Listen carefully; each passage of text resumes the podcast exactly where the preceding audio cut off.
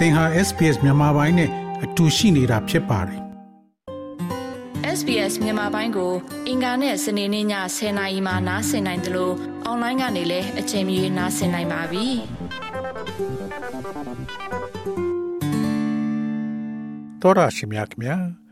COVID-19 ရောဂါပိုးကို ကုသပေးနိုင်တဲ့ antiviral ကုသဆေးတွေကိုဩစတြေးလျကလူတွေအတော်များများကုသမှုခံယူနိုင်ပြီဖြစ်ပါတယ်။ အဲဒီကုသဆေးကဘာလဲဘယ်သူတွေလက်ခံရရှိနိုင်တယ်လဲကိုဗစ်တိုက်ဖျက်ရေးအတွက်ဘလောက်ထိအရေးပါလဲဆိုတာကို အခုလေ့လာမှာဖြစ်ပါတယ်။ Australia နိုင်ငံအစိုးရက COVID-19 အတွက် antiviral ကုသဆေးတွေကိုလက်ခံရယူနိုင်တဲ့လူဦးရေကို တိုးချဲ့လိုက်ပြီဖြစ်ပါတယ်။ယခုပြီးခဲ့တဲ့တနင်္လာနေ့ကစပြီးအသက်80ကျော်သူ Australia နိုင်ငံသားတိုင်းက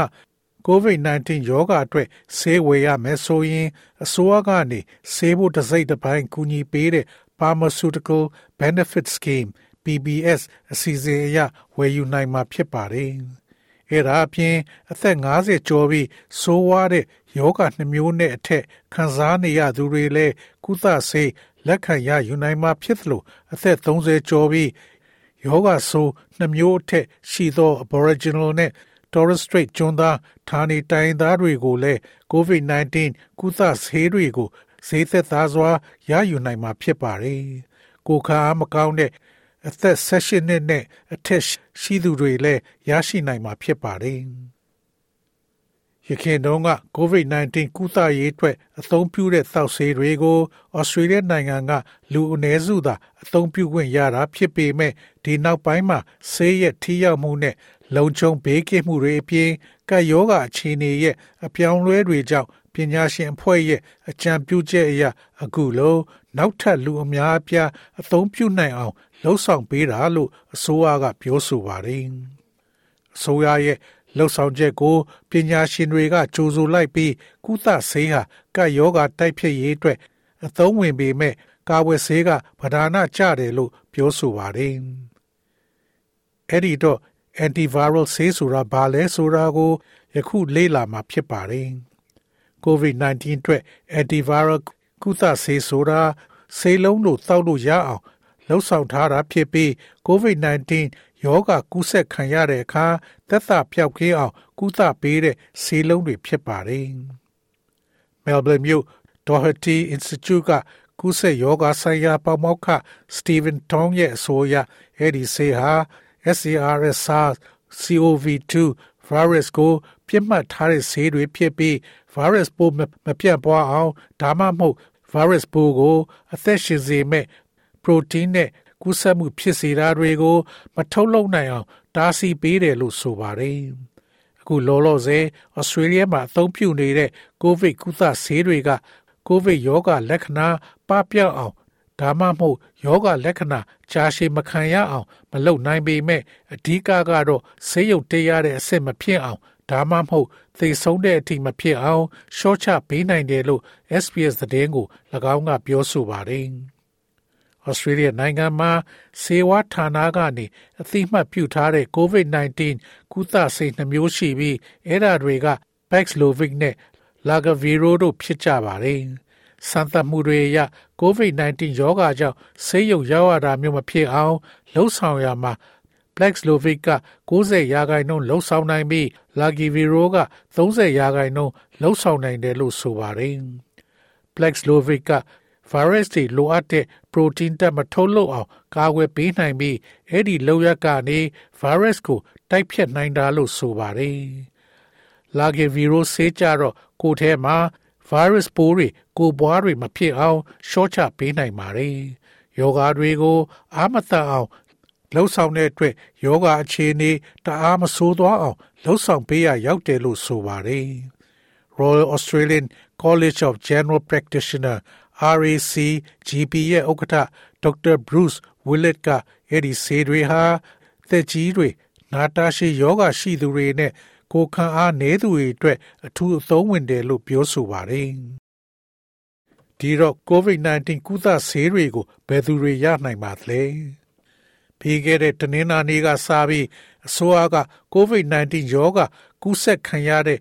အသက်80အထက်ရှိသူတိုင်းဆေးကိုဝယ်ယူနိုင်မှာဖြစ်သလိုအသက်50ကျော်ပြီးယောဂဆိုးနှမျိုးနဲ့အထက်ရှိသူတွေအသက်30ကျော်ပြီးယောဂဆိုးနှမျိုးနဲ့အထက်ရှိသူ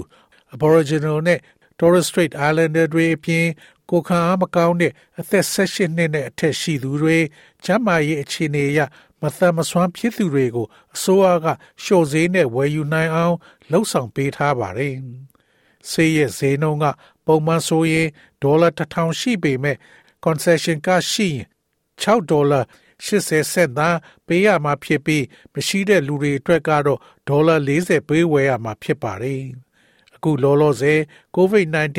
ရောဂါကူးစက်မှုကတိုးလာနေပြီးမျိုးကွဲသစ်တွေလည်းကူးစက်မှုဖြစ်နေတဲ့အတွက်ဆေးရုံတင်ထားရသူဦးရေကလည်းပိုများလာနေတယ်လို့ကျန်းမာရေးဝန်ကြီး Mark Butler ကပြောဆိုပါတယ်။အဲ့ဒီဆေးတွေကို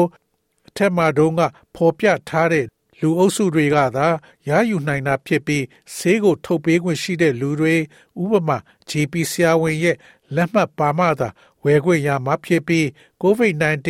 ရောဂါကူးစက်ခံရသူတွေဝယ်ယူခွင့်ရမှာဖြစ်ပါတယ်။ယောဂကူးစက်ခံရပြီးဆိုတာကို သိရတာနဲ့ချက်ချင်းအသုံးပြုတာကအထည်ရောက်ဆုံးဖြစ်တယ်လို့ဆိုပါတယ်။စံသက်မှုတွေရယောဂလက္ခဏာပြတာ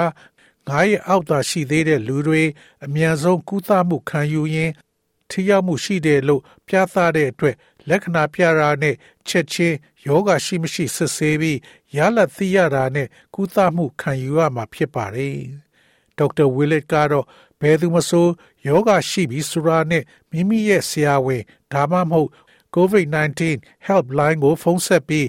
ဆေးရနိုင်မရနိုင်မေးမြန်းနိုင်တယ်လို့ပြောဆိုပါတယ်။ ဆေးကိုဆရာဝန်ရဲ့ညွှန်ကြားမှုတိုင်းလိုက်နာဖို့လိုတယ်လို့ဒေါက်တာဝီလစ်နဲ့ Professor Tong တို့ကပြောဆိုထားပြီးအကြောင်းရင်းကတော့တချို့ COVID-19 ဆေးအထူးသဖြင့်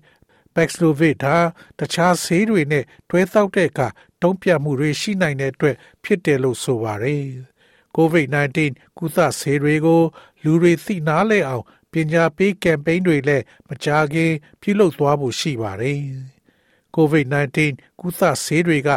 အရေးပါပေမဲ့အရေးကြီးဆုံးကကာကွယ်ဆေးဖြစ်တယ်လို့လည်းပညာရှင်တွေက ပြောဆိုပါတယ်။အခုဆိုရင်အသက်30ကျော်သူတိုင်းနောက်ထပ် COVID-19 ကာကွယ်ဆေး extra booster ကို ထိုးခြင်းရင်ထိုးနိုင်ပြီဖြစ်တယ်လို့သိရှိရပါတယ်ခင်ဗျာ sbs.com.au/bemis ကို home နေရာမှာထားပြီးတော့အမြဲတမ်းနှာစင်နိုင်ပါတယ်။ နောက်ဆုံးရသတင်းတွေ၊စောင်းမားတွေနဲ့စစ်တမ်းတွေမှာပါဝင်ပြီးတော့ဆက်သွယ်မှုလုပ်နိုင်ပါတယ်။ sbs.com.au/bemis ဖြစ်ပါတယ်ရှင်။